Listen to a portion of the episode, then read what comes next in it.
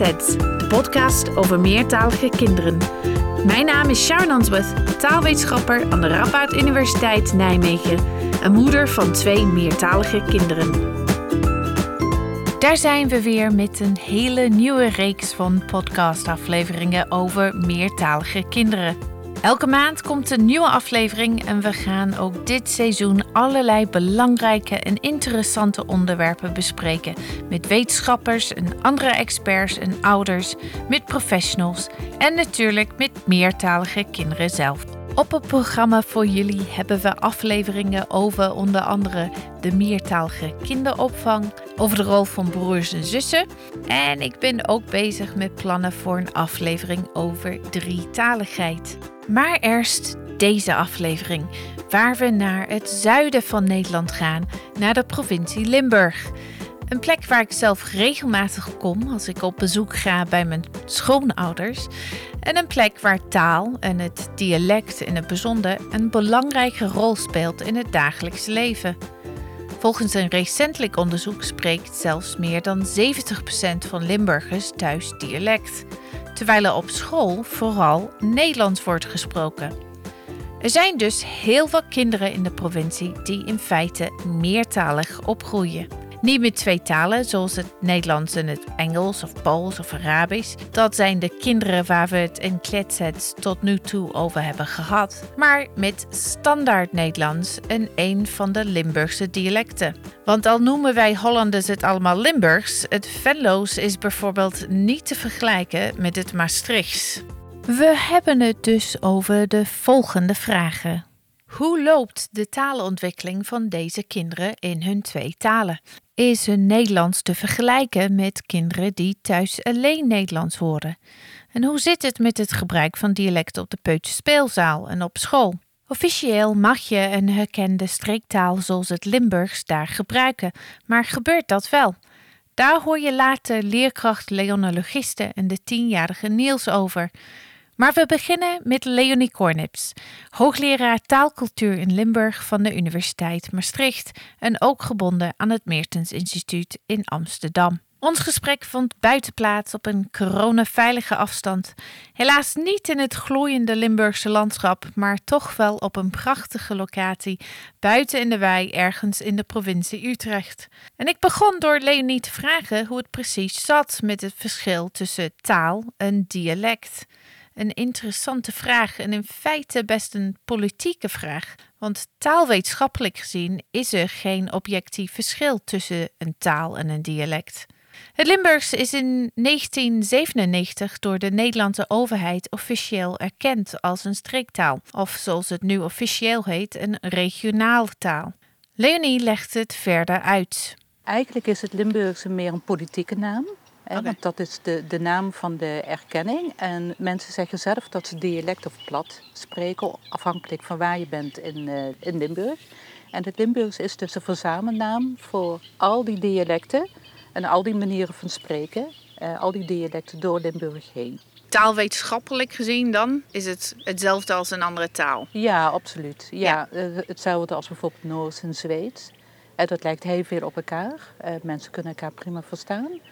Uh, maar ja, zo'n nationale border tussen Noorwegen en Zweden maakt dat aan de ene kant uh, Noors wordt gesproken, aan de andere kant Zweeds. Maar het zijn talen die veel op elkaar lijken. Ja, oké. Dus het, uh, het Limburgs, mogen we het zo noemen? Mag je het zo ja, noemen? Ja, want langzamerhand, dus die erkenning was in 97, dus we zijn nu toch wel een eind verder. En langzamerhand beginnen de mensen zelf ook het Limburgs te gebruiken. Wanneer ze zeggen, ik spreek dialect of plat langzamerhand hoor je ook steeds meer dat mensen zeggen: ik spreek Limburg. Dus Limburgs is wel anders dan Nederlands praten met een Limburgs accent? Ja, absoluut. Ja, Dus, dus het heeft wel overeenkomsten. De, het zangerige, dat is zowel in het dialect te horen in het Limburgs als in het Nederlands. Uh, en natuurlijk ook de zachte G, maar daarnaast heeft het Limburgs echt een ander grammaticaal systeem. Dat echt afwijkt van het Nederlands. Ja. Uh, je komt zelf uit Limburg. Ja. Uit Geerle. Ja. Dezelfde stad als mijn man. Ja, komen goede mensen vandaan, toch? Ja, absoluut. um, spreek je zelf Limburgs? Nee. Uh, dat zijn altijd hele moeilijke vragen, hè? want spreek je Limburgs? Uh, nee, ik doe het nooit. Maar ik kan het wel. Dus soms doe ik nu vergaderingen eh, waarin alleen maar Limburgs wordt gesproken. En dan ga ik mijn Limburgs daar ook mee spreken. Ben je met Limburgs opgegroeid? Of? Nee, uh, ik, ben van, uh, ik ben geboren en getogen in de kolonie. dat zijn voormalig mijnwerkers, ja, buurten. in Heerden, zoals er zoveel waren. En ja, ik ben opgegroeid met kinderen uit Polen, Italië, Oost-Europa, voormalig uh, Oost-Europa. En uh, ja, wij spraken Nederlands als kinderen. Mijn ouders spraken wel dialect. Maar niet tegen jou? Of? Nee, niet tegen ons, omdat mijn, en dat zul je Limburgers heel vaak horen zeggen. Ja. mijn vader komt uit, kwam uit Maastricht en mijn moeder uit Sittard. En die hebben elkaar tijdens het volksdansen leren kennen buiten Maastricht en Sittard. En wat spreek je wanneer je buiten de plek gaat waar je elkaar leert kennen, ja, Nederlands. En dat eerste contact, wanneer je dat in het Nederlands doet, uh, dat, is, dat is heel erg verbazingwekkend. Limburgers vertellen dat voortdurend. Uh, in hun ervaring, als je eenmaal met iemand Nederlands hebt gesproken, dan is het zo lastig om dan daarna dat Limburgs op te pakken. Ja, ik denk dat het uh, sowieso geldt voor, voor andere talen ook. Hè? Dus uh, je, je bouwt een soort taalrelatie ja. op met iemand. Dus wij zouden wij kennen elkaar ook uh, best lang. Maar we zouden nooit echt overgaan naar het Engels. Tenzij het echt noodzakelijk was vanwege het werk of zo. Ja, ja, absoluut. Ja, het zou heel gek zijn om met jou opeens Engels te gaan spreken. Ja, ja, daarom. In Kletset, we hebben het eigenlijk uh, uh, nu al in tien afleveringen gehad over taalontwikkeling van meertalige kinderen. We hebben het toen vooral gehad over kinderen bijvoorbeeld waarbij de ene ouder de ene taal spreekt, zeg maar Frans en de andere Nederlands. Of waarbij alle uh, beide ouders thuis een andere taal spreken dan Nederlands. Dus zeg maar Pools thuis en Nederlands op school. Uh, we hebben het nog niet gehad over uh, dialect sprekende kinderen. Hoe ziet het eruit in, in, in Limburg? Zien we daar ook veel verschillende typen van meertalige gezinnen? Ja, dat is heel erg gecompliceerd. Ja. Dus de ene ouder Nederlands en de andere ouder Limburgs. Mm, dat komt, uh, dat komt wel voor. Maar daarnaast zijn er hele ingewikkelde vormen. Bijvoorbeeld dat de vader wel Limburgs spreekt tegen de oudere kinderen, maar Nederlands met de jongere kinderen. Het heeft er ook heel erg veel mee te maken dat, kijk, die dialecten zijn ook heel erg verschillend van elkaar. Dus stel dat je uh, trouwt met iemand of je krijgt kinderen met iemand, uh, je bent in Zuid-Limburg, je spreekt Zuid-Limburgs, bijvoorbeeld Maastricht, en je trouwt met iemand uit Venlo dan liggen die dialecten toch wel behoorlijk ver uit elkaar. Oh ja? Dus ga je dan het Maastrichts en het Venlo's aanbieden? Het zijn eigenlijk twee verschillende talen, toch wel? Twee verschillende grammaticale systemen. Dus in Maastricht zeg je ik en in het Venlo's zeg je ik. En dus dat zijn toch al, zeg maar, Duits-Nederlands verschillen uh, die je tegenkomt. Uh, wat ga je dan doen? Um, en dat is natuurlijk ook wel een van de uh, redenen waarin, waarom dat Limburgs spreken afneemt omdat je buiten het dorp of buiten de stad iemand tegenkomt die een, of een ander Limburgs uh, dialect spreekt of een andere taal. Ja, ja, dus het is echt zo anders van elkaar. Ja, ja, ja. Wat weten we eigenlijk over de taalontwikkeling van kinderen die uh, naast het Nederlands ook Limburgs praten? Ik denk bijvoorbeeld aan uh, het feit dat uh, je ziet dat in de woordenschat, dus hoeveel woorden kinderen kennen, dat meertalige kinderen vaak minder woorden kennen in één van hun twee talen ten opzichte van een eentalige leeftijdsgenoten weet dat jullie daar onderzoek hebben gedaan. Ja, daarin zie je ook hoe, uh, hoe de regionale talen een hele aparte en unieke, een hele bijzondere positie innemen in het hele meertaligheidsveld. Uh, met Elma Blom hebben we onderzoek gedaan naar uh, de verwerving van de woordenschat. Nou, en daarin blijkt dat die Limburgse kinderen hoger scoren dan het landelijk gemiddelde. Dus het landelijk gemiddelde is iets van 100 hè, en zij zit op 100. In het Nederlands. In het Nederlands. Ja. Dus die Limburgse kinderen die thuis uh, Limburg spreken hebben echt absoluut geen enkele uh, achterstand in de woordenschat. Leonie denkt dat dit mee te maken heeft met het feit dat het Limburgs en het Nederlands zoveel op elkaar lijken. Er zijn dus veel woorden die klinken hetzelfde en betekenen ook hetzelfde. Deze woorden heten cognaten en komen ook vaak voor in de toets die zij hebben gebruikt in hun onderzoek. Wil je meer weten over hoe het meertalige hoofd omgaat met dit soort woorden? Luister dan naar aflevering 10 van Kletsets, want daar gaan we hier uitgebreid op in. Konijn heb je in het Nederlands en dat is knien. Nou, dat lijkt ook wel behoorlijk op elkaar. Dus ook al worden de woorden iets anders uitgesproken, ze lijken wel heel erg veel op elkaar. En ik denk dat dat een van de redenen is dat juist die cognaten ook laten zien dat daarmee die woordenschap prima gaat bij Limburgse kinderen. Dus die, die taak waar je het over hebt, dat is een, een herkenningstaak. Dus kinderen krijgen vier plaatjes te zien. Ze krijgen één woord en ze moeten aanwijzen welke, om welke plaatje het gaat. Dus als je iets hoort, zelfs, nou ja, ik, ik, draai het andersom. Stel dat ik iets zou doen in de Limburgs. Ja, zou je ook helemaal Zou je ook uh, waarschijnlijk, omdat ik Nederlands, uh, Nederlands ken. Ja. Ja. Ja. Productief hebben we het niet gedaan, hè? niet getest. Dat zal nog wel eens een idee zijn om dat te kunnen doen wanneer er financiering is. Het probleem is steeds, we hebben tekort aan financiering. Ja, dus bij deze een oproep. Als iemand luistert, die graag onderzoek wil doen, laten doen, laten uitvoeren naar het Limburgs. Absoluut. Of dan, uh, we houden ons aanbevolen, toch? Absoluut. Oké, dan hebben we het even over woordenschat gehad. Hoe zit het met de grammatica? Er zijn best wat uh, uh, verschillen tussen het, het, Nederlands en het Limburgs. Nou, die overeenkomsten verschillen, helpen die of staan ze eerder in de weg? Nee, die, die helpen heel duidelijk wanneer ik uh, kijk naar het grammaticaal geslacht. Ja, de, de en het woorden. De en het woorden. Nou, en het uh, Limburgs en het Brabants, dat zijn talige systemen, die hebben net als het Duits drie geslachten. Dus mannelijk, vrouwelijk en onzijdig. En daar is ook een andere vorm voor.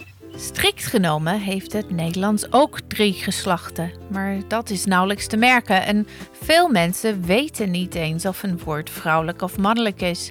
Het Nederlands maakt dus in feite een verschil tussen twee geslachten, zijdig en onzijdig, wat we vaak de woorden en het woorden noemen. Voor mensen die Nederlands als tweede taal leren, zoals ik, blijft dit aspect van de taal vaak een uitdaging. Maar ook voor kinderen die Nederlands als hun eerste en enige taal leren, duurt het even voordat ze dit deel van het Nederlands onder de knie hebben. Ze kunnen dus fouten blijven maken, zoals de huis in plaats van het huis, totdat ze een jaar of zes zijn en soms ouder. Een van de verklaringen hiervoor is dat het verschil tussen de en het woorden niet overal terug te zien is in de taal. We hebben het misschien over de fiets of het huis. Maar als we het zomaar over een fiets of een huis hebben, dan gebruiken we hetzelfde woord, een of één voor beide geslachten. Als we het hebben over mijn fiets of mijn huis, gebruiken we ook hetzelfde woord voor beide geslachten. Het Limburgs daarentegen maakt overal duidelijk of het gaat om een mannelijk, vrouwelijk of onzijdig woord. Mannelijk één is inne, het vrouwelijk is één en het onzijdig is e. Dus je hebt echt drie verschillende lidwoorden uh, die onbepaald zijn.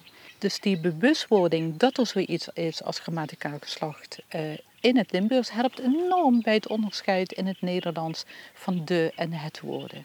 Dus je ziet dat die kinderen in het onderzoek wat ik uh, toch wel een tijd geleden gedaan heb, veel sneller, veel eerder, veel jonger, op jongere leeftijd doorhebben dat de en het uh, dat er de en het woorden zijn dan eentalige kinderen. Dus hier hebben we echt met een taalvoorsprong te maken. Ja, dus eigenlijk dit is een geval waar uh, het feit dat de twee talen anders zijn toch kan helpen. Ja, absoluut. We hebben uh, samen met Rudy Schils van de Onderwijsmonitor een heel mooi onderzoek gedaan naar CITO-scores, oh. begrijpend lezen en mm spellen. -hmm. Spanning uh, van kinderen in groep 4 en groep 8. En dat is een longitudinaal. Dus hetzelfde kind wordt in groep 4 en in groep 8 hebben we gevolgd. Ja. Aan de hand van die CITO-scores.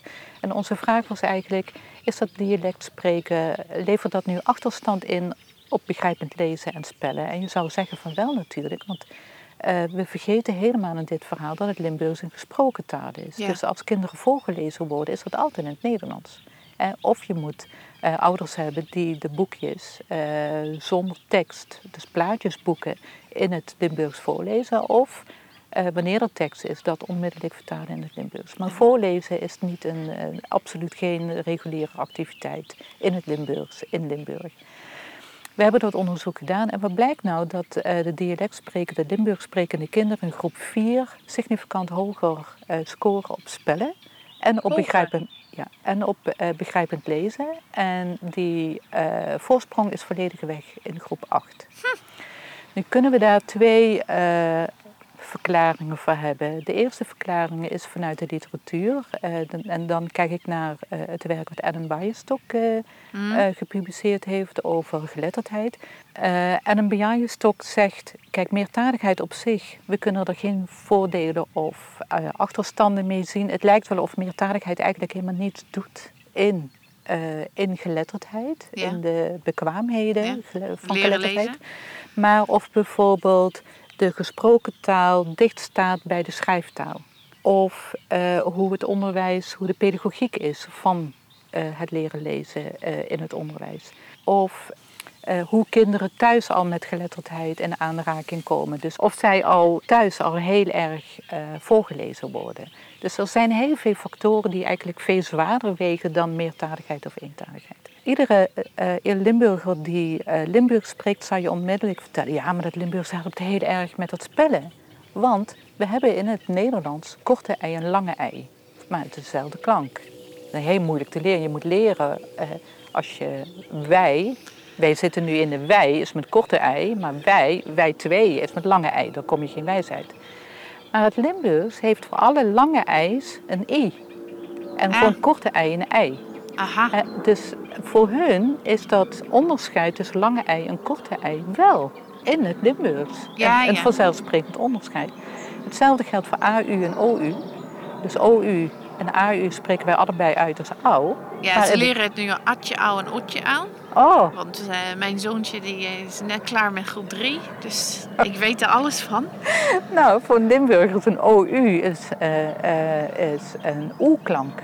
En een AU is een au-klank. Dus daar hebben we precies hetzelfde verschillen. Dat het Limburgs juist heel erg transparant is in het spellen. Dus je hebt heel veel klankcorrespondenties. En ik denk dus dat juist uh, het aanbod van die twee talen je heel erg bewust maakt op, ja. uh, op die klankcorrespondenties. Nu zegt uh, eh, Bejaaienstok, ja, die, dat fonologische bewustzijn, ja. die awareness, dat werkt alleen maar in het begin wanneer je leert lezen, maar daarna niet meer, omdat het, het latere onderwijs alle kinderen gelijk maakt. Ja. Dus die voorsprong die verdwijnt. Ja.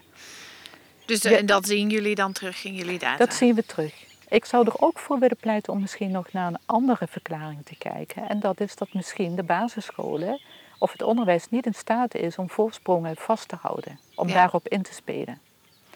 Uh, en ik denk dat dat komt door de eentaligheidspedagogiek die we hanteren. Maar je zou best kunnen voorstellen dat je die, uh, die klankonderscheidingen die die regionale of dialecten met, met zich meebrengen, juist gebruikt binnen je instructie of binnen je, je zaakvakken, om daar uh, die bewustwording uh, die er al is, intuïtief verder uit te bouwen. Ja, toch vraag ik me af bij het leren lezen en de spelling. Nou, als je het eenmaal hebt geleerd, heb je geleerd. Ja, dat is wat, uh, wat Stok uh, zegt. Maar je, je, zou kunnen kijken, is het op een ander, misschien iets wat we niet toetsen. Ja, is een andere manier om uh, ook misschien Limburgs te betrekken bij het, ja. bij het onderwijs. Komen we zo op terug.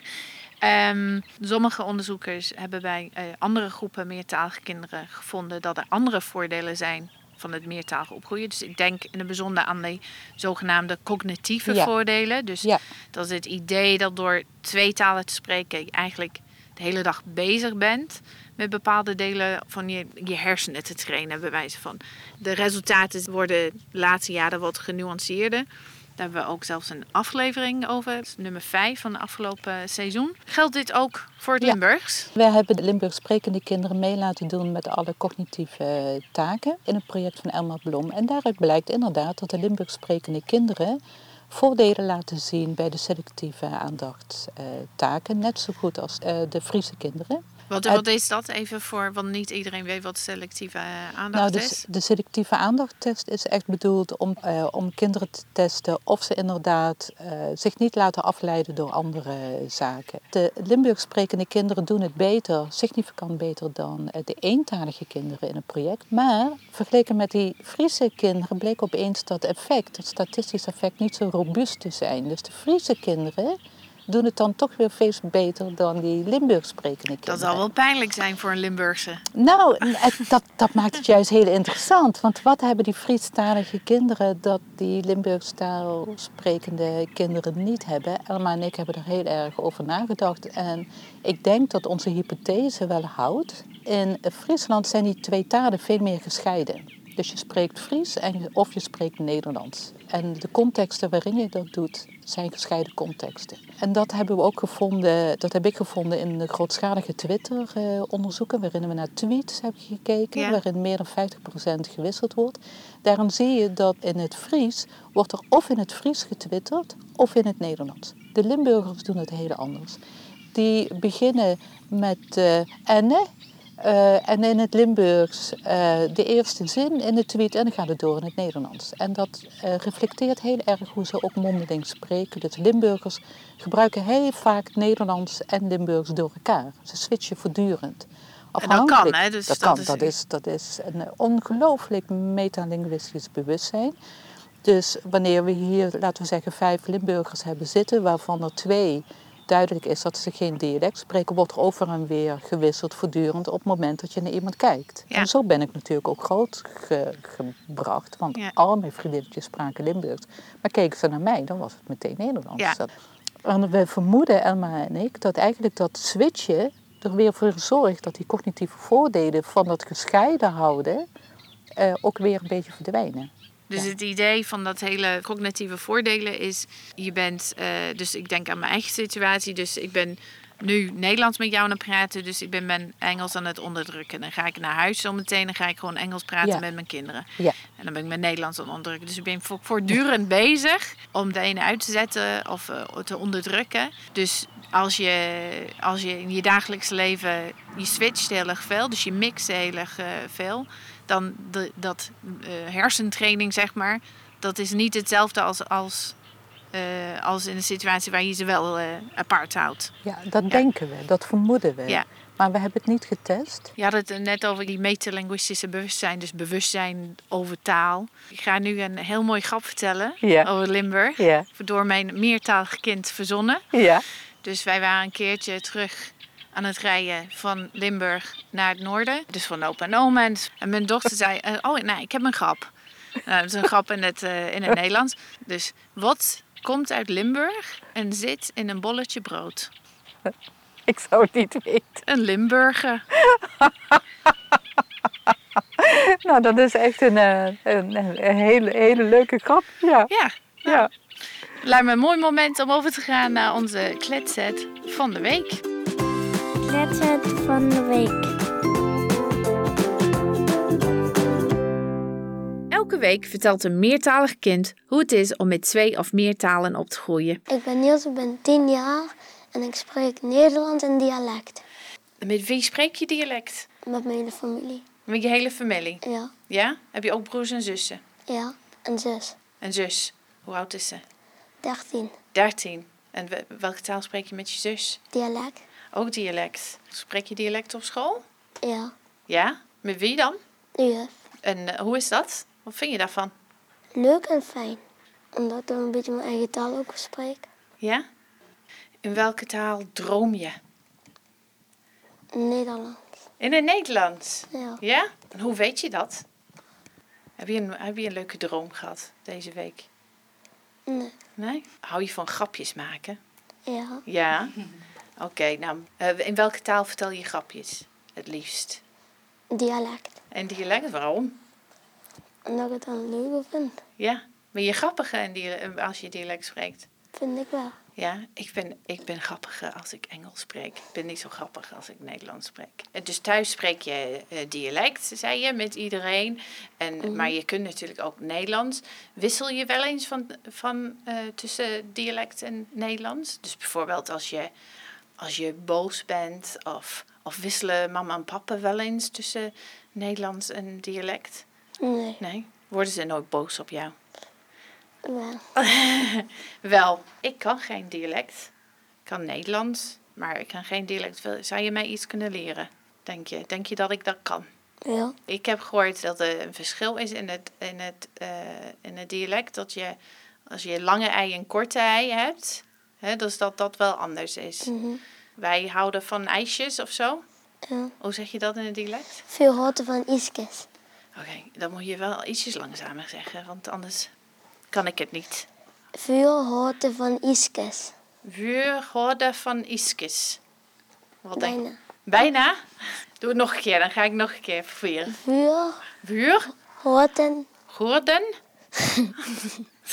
ik zeg het niet goed, denk ik. van iskes. We hoorden van iskes. Ja? Ja. Wat denk je? Wel, wat voor cijfer krijg ik daarvoor? Zien ze het? Zien ze het? Acht. Een acht? Nou, daar ben ik wel tevreden mee, zeg. Jeetje. Als je ouder bent, en stel dat je zelf kinderen krijgt, hè? Dat je zelf papa wordt. Ja. Welke taal ga je spreken met je kinderen, denk je? Dialect. Dialect? Ja, waarom? En mijn ouders willen dat ook heel graag. Ja? Vind je dat ook belangrijk? Ja. Waarom? Omdat ik nou altijd spreek en dat ik dan nog ben. Ja, dat niemand spreekt dan. Als ik dat niet doe. Ja, dus je wilt het blijven spreken? Ja, Ja. Hoe voelt het dan om dialect te spreken? fijn. Fijn.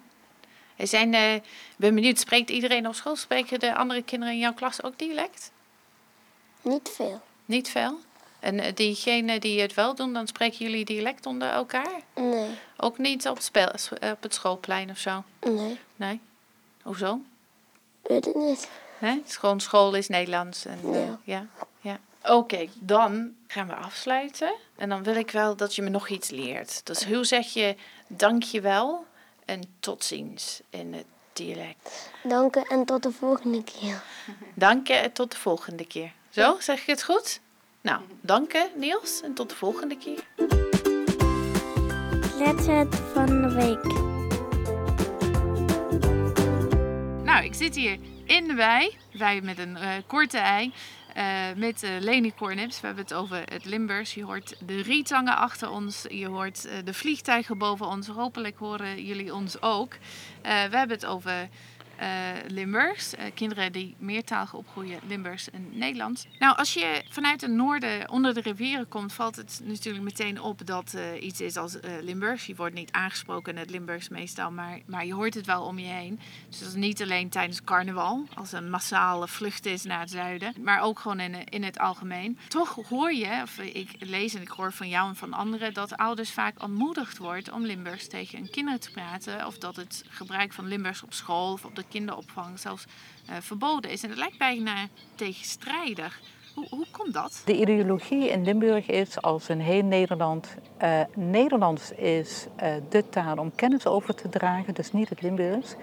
Maar voor cultuur en erfgoed, dat kan je wel doen in je eigen lokale taal. En daarmee hangt samen, Limburg spreek je achter de voordeur.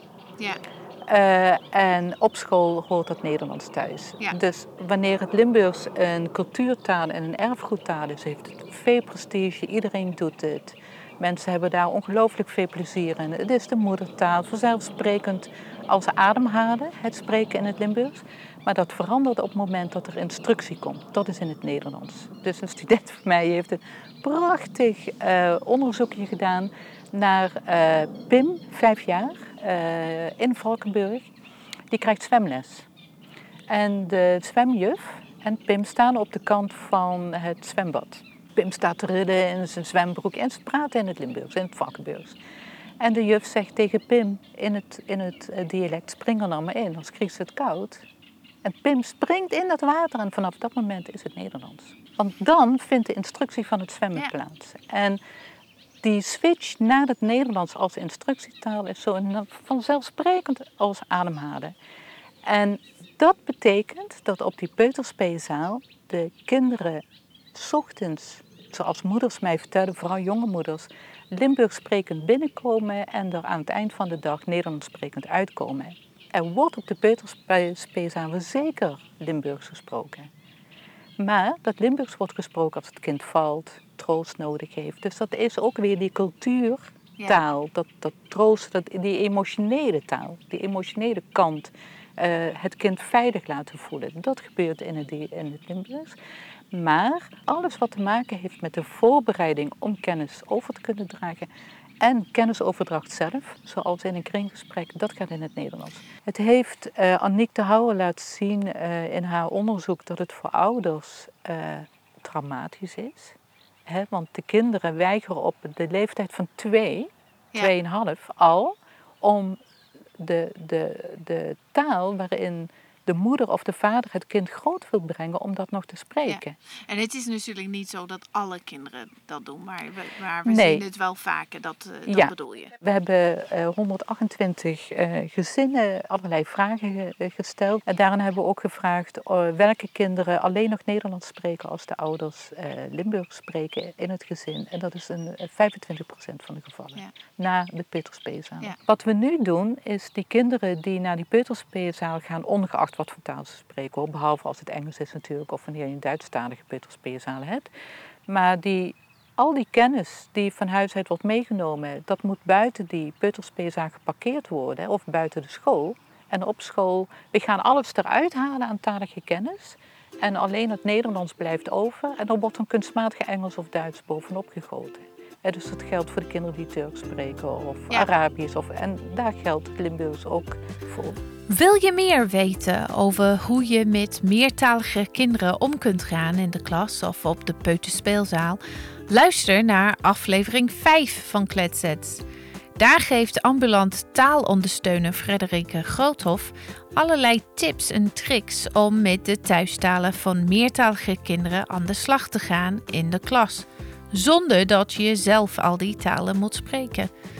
Wil je meer weten over de meertalige kinderopvang in Nederland? Abonneer op Kletsets via je podcast-app op je telefoon. Want in de volgende aflevering gaan we het juist hierover hebben. Maar nu horen we over hoe er op school met het Limburgs wordt omgegaan.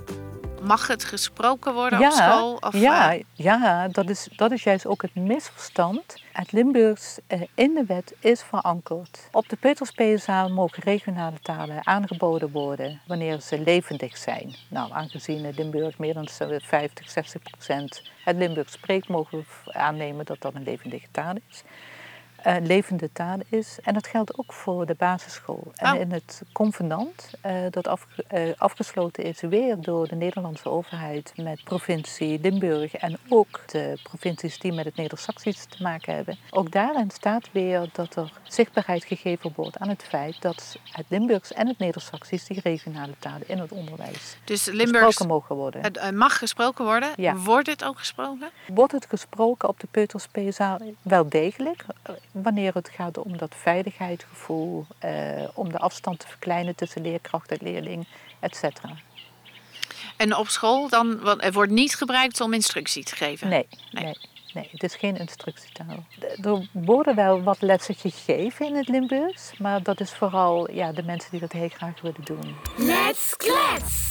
Elke aflevering horen we van een ouder of professional over hun ervaringen met meertalige kinderen. Nou, mijn naam is eh, Leonne Logester. Ik woon in Landgraaf en ik werk in het basisonderwijs. En op dit moment in groep 6. En we zitten hier omdat we het graag willen hebben over uh, het gebruik van dialecten op school. Ja. Ik heb begrepen dat het eigenlijk wel mag, maar niet veel gedaan wordt. Begrijp ik dat goed? Ja, nou bij ons op school is het eigenlijk zo dat bijna alle collega's dialect spreken.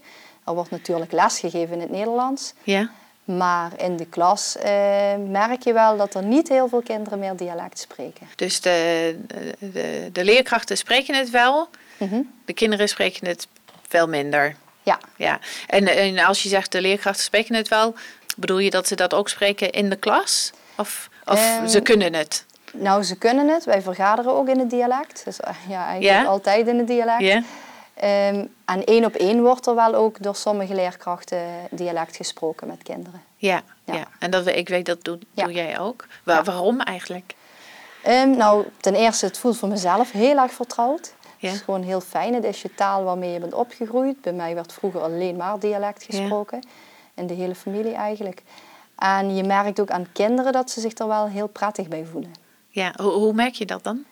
Ehm, ja, het lijkt wel alsof je eerder een band creëert met kinderen. Dat ze zoiets hebben van, ja, maar dit is bekend, vertrouwd, zo praat ik thuis ook. En dan spreekt de juf ook die taal. Dat vinden ze meestal wel heel fijn. Ja. Ik kan dat niet, niet bewijzen, hè? maar je merkt heel vaak dat uh, kinderen met toch wat problemen ten aanzien van gedrag... Voor, net voor die kinderen is het natuurlijk heel belangrijk dat ze snel die klik met de leerkracht hebben. Ja. En als deze kinderen dialect spreken thuis, dan zie je gewoon dat dat ja, die lijken gewoon toch sneller dan vertrouwd met de leerkracht en sneller hun plekje te vinden in dat schooljaar waar ze moeten wennen. En ja, dat lijkt toch iets makkelijker te gaan. En die kinderen kun je dan ook iets makkelijker aanspreken op hun gedrag. Dus ik kan dat niet bewijzen nogmaals, maar ja, ervaring leert wel van de afgelopen jaren dat dat heel goed werkt. Ja, dus het wekt zo zelfvertrouwen en uh, gevoel van... En zelfs ook met ouders. Als ik een, een oudergesprek heb met ouders, dan vraag ik altijd uh, een Nederlands of een dialect. En dan zie je ouders ook vaak, oh, kan het in een dialect? Fijn. En dan, ja, dat voelt ook meer vertrouwd dan. Ja. Ja, je ziet wel een duidelijk verschil. Er zijn kinderen die echt dialect spreken. En dat, dat, hoor je ook meteen. Die spreken thuis dan alleen maar dialect. Ja. Uh, je hoort van heel veel kinderen dat er thuis wel uh, onderling dialect wordt gesproken, de ouders onderling. Ja. En dat zij zelf vanaf het moment dat ze naar school gingen Nederlands zijn gaan praten. Ja. En ouders geven dat ook aan bij gesprekken. Van ik vind het zo jammer, maar het is ons gewoon niet gelukt. Dus het is, het is ook een zorg van de ouders dan? Ja, sommige ouders geven dat echt aan. Die zeggen echt, het is zo zonde, want wij spreken altijd dialect. En we hadden heel graag gehad dat ons kind dat ook sprak. Ja, en waar, waar, waar gaat het mis dan volgens je? Nou ja, ze komen tegenwoordig al heel jong natuurlijk op school. Met twee jaar gaan heel veel kinderen al naar de peuterspeelzaal. Ja. Uh, daar wordt, moet ik zeggen, hier is er heel veel uh, dialect ook met kinderen gesproken op de peuterspeelzaal. Ik heb toevallig zelf een, uh, ja, twee dochtertjes die nog jong zijn. En ja, op heel veel scholen, denk ik, wordt er vanaf dat moment Nederlands gesproken. Ja, dus je, je hebt gezegd, nou, ik, ik, ik heb het wel gebruikt met een enkel leerling. -hmm. en, maar dat is dan gewoon voor in de omgang, dus niet voor instructie dan, begrijp nee, ik? instructie is uh, echt in het Nederlands hier. Zou dat kunnen in het dialect? Um, nou, het lijkt mij wel heel interessant om eens te kijken. Kijk, als ik een rekenles moet geven, ik denk dat er toch wel ouders zijn die zeggen, um, dat gaan we niet in het dialect doen, want mijn kind verstaat dat minder goed dan het Nederlands. Ja. Um, bij een muziekles of een tekenles of een handvaardigheidsles zou dat misschien wel een optie zijn. Ja, ja, ja, en kinderen vertellen ook zelf dat ze dat wel heel fijn zouden vinden. Maar dit, het voelt voor kinderen vaak heel raar als zij op latere leeftijd opeens dialect moeten gaan praten. Omdat ze dat heel lang niet hebben gedaan. Ja, precies. En als je dan wel een kind hebt dat uh, goed dialect spreekt, dan merk je wel dat dat uh, voor andere kinderen ook interessant is. Waarom, denk je? Ja, dat ze dan toch zeggen, ja, thuis papa en mama spreken dialect. En nou, juf, jij spreekt ook dialect, kun je me dat niet leren? Dus die vinden dat wel leuk. Ja, dus uh, de interesse is er zeker. Die is er zeker, ja. Ja, nou leuk. Is het veranderd in de loop van de jaren? En, ja, de verandering die ik zelf heb meegemaakt. Ik werk hier nu het negentiende jaar. En ik weet nog wel een hele tijd terug dat ouders daar heel negatief tegenover stonden. Dat, sommige ouders, dat die zoiets hadden van nee, ik breng mijn kind naar school en ik wil wel dat jij hier de hele dag Nederlands spreekt. En nu merk je veel meer dat ouders het jammer vinden dat het gewoon verloren lijkt te gaan. Ja, wat zou je anders willen zien? Want je zei net, ik zou het wel leuk vinden als we andere, misschien vakken zoals tekenen of zo, in, mm -hmm. het, in het dialect konden geven. Ja. Nou, ik, ik vind het zo jammer. De stap is denk ik heel klein. Als je bij ons op school kijkt, eh, bijna iedereen spreekt dialect. Iedereen verstaat dialect. Anders zouden we niet in een dialect vergaderen ja, natuurlijk. Ja. En dan ja, is het een hele kleine moeite natuurlijk om die tekenles bijvoorbeeld in het dialect te geven. Ja. Waarom zou je dat niet doen? En wat houdt jullie tegen? Ja, dat leeft eigenlijk nu pas een beetje. Ja? Dus dat begint nu pas. Ja, ik heb altijd wel tussendoor ook dialect gesproken. Ja. Niet de instructie, maar ja, een grapje tussendoor. Of dat, ja, dan grijp je toch al snel terug naar je eigen, ja, ja. Je eigen dialect gewoon. En uh, ja, nu is het heel erg in opkomst, lijkt wel weer. Dat er Ja. toch wel wat meer over in het nieuws komt. En uh, ja, het speelt meer. Ja, dus hoe, hoe ziet de toekomst uit dan, denk je, voor, voor dialect sprekende kinderen? Voor de kinderen die al dialect spreken of die het willen leren spreken? Alle, allebei. Allebei. Ja, ik hoop zelf heel erg dat we nu eh, iets in gang zetten. Ja? en dat mensen denken van, nou, waarom ook niet? Waarom zullen we er niet voor zorgen dat, onze, of dat deze generatie eh, jeugd dadelijk ook lekker dialect spreekt? Ja. Dus ik hoop dat we daar eh, ons steentje aan kunnen bijdragen. Zeker. Let's klets! We hebben net gehoord van een leerkracht over haar ervaringen met uh, Limburg sprekende kinderen. Ik vroeg me af hoe het zit met logopedie in uh, Limburg. We, we, weten dat uh, meertalige kinderen niet per definitie een taalachterstand hebben, zoals je uit sommige hoeken hoort. Maar soms is er natuurlijk wel reden om een meertalig kind, dus ook een, een Limburg sprekend kind, naar logopedie te sturen. Weet jij of er ook in Limburg uh, ook in het Limburgs behandeld wordt? Wat een interessante vraag. Nee, dat weet ik dus niet. Ik heb het tot nu toe niet gehoord. Nee. Het zal wel echt een, uh, zo geweldig zijn als dat zou kunnen. Elk jaar, de afgelopen vijf jaar, uh, hebben we een groot symposium georganiseerd met Sittert, Fontes ja. Hogeschool, met Anja Verschijndel.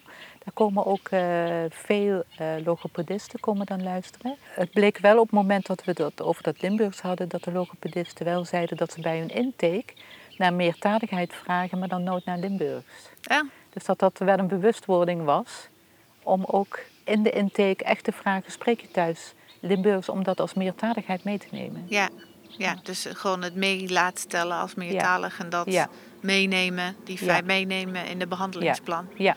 Ja. Je had het net over andere type meertalige kinderen in Limburg. Er zijn natuurlijk ook andere kinderen in Limburg die meertalig opgroeien. Niet per se met Limburgs, maar een andere taal uh, thuis. Turks of het Engels of het Duits of het Pools. Ik, uh, ja, van alles en nog van natuurlijk. Ik ben benieuwd, leren deze kinderen ook dialect, ook uh, Limburgs? Ja, dat was vroeger vanzelfsprekend uh, door spelen op straat. Ja. Maar dat wordt wel de afgelopen decennia steeds minder en minder. De bevolking is mobieler geworden. Dus ja, dus je, je, je speelt net zoals ik vroeger met kinderen die alleen Nederlands spreken of die alleen uh, Engels spreken of wat dan ook. Dus dat, dat, dialect is niet meer zo vanzelfsprekend als dat een decennia geleden was. Maar is er is geen reden waarom een kind die van huis uit alleen Turks spreekt uh, geen dialect zou nee, mogen nee, leren? Nee nee. nee, nee, absoluut niet. Hoe ziet de toekomst uit voor meertaligheid in Limburg? Nou, die meertaligheid wordt natuurlijk alleen maar steeds diverser. Uh, dus het Limburgs zal zich steeds meer moeten verhouden tot alle andere talen die in Limburg gesproken worden. We weten dat er heel veel andere talen gesproken worden, net zo goed als in de Randstad. En eigenlijk is Limburg een heel mooi, ik zeg altijd dat het een heel mooie proeftuin is voor meertaligheid. Omdat de meertaligheid daar veel ingewikkelder en complexer is dan hier in de Randstad. Want we tellen meer type meertaligheid dan in de Randstad. Dus wat je in Limburg hebt is A, de lokale meertaligheid, dus het Limburgs. Maar daarnaast heb je de buurtalen meertaligheid. Uh, in Midden-Limburg is de grens tussen België en Duitsland maar 6 kilometer breed. Ja. Dus wanneer je, dus vandaar dat nou met de corona en het sluiten van de grenzen. Dus mijn studenten wonen net in Maastricht, net, net even aan de Belgische kant. Dat is 500 meter van de faculteit vandaan. Maar kunnen Nederland helemaal niet meer in. En we hebben het dan over 500 meter. Ja. Uh, maar daar wordt in de voerstreek uh, Nederlands, maar ook het Frans en aan de andere kant Duits. Dus je hebt daar echt een buurtalen omgeving ja, waarin iedereen ondergedompeld is. En dat kennen we in de Randstad niet. En daarnaast hebben we al die meertaligheidstypen die we ook in de Randstad hebben. Ja, je hebt je afgelopen jaren ingezet voor een stimulerend taalklimaat, ja, had ik uh, ja, gelezen. Ja. Bestaat dat al? Of moet die nog Ja. komen? Ja, ik, eh, de, de provincie is er steeds meer van overtuigd dat er best taalbeleid moet komen voor de Peuterspeelzaal. Om toch meer dat effect te kunnen benadrukken. Dat ook dat Limburgs gesproken kan worden in het onderwijs als zaakvak. Eh, dus dat vind ik heel erg stimulerend. En met die levende talen Limburg zijn we juist heel erg bezig om te kijken naar die meertaligheid. En om meertalige pedagogieken en didactieken in te zetten. Waarin niet dat Limburgs voorop staat, maar die hele, dat hele meertalige palet. Ja, ja. oké. dus uh, eh, de toekomst is in ieder geval meertalig. Ja, en diverser meertalig. Diverse meertalig. We gaan zeker niet terug naar alleen Nederlands. Nee, alsjeblieft zeg. Ja, ja. Wil je meer weten over Kletset? Ga dan naar www.kletsetpodcast.nl. Daar vind je ook meer informatie over deze aflevering. Wil je geen aflevering missen? Abonneer je dan op Kletset via je favoriete podcast app. Bedankt voor het luisteren en graag tot de volgende keer.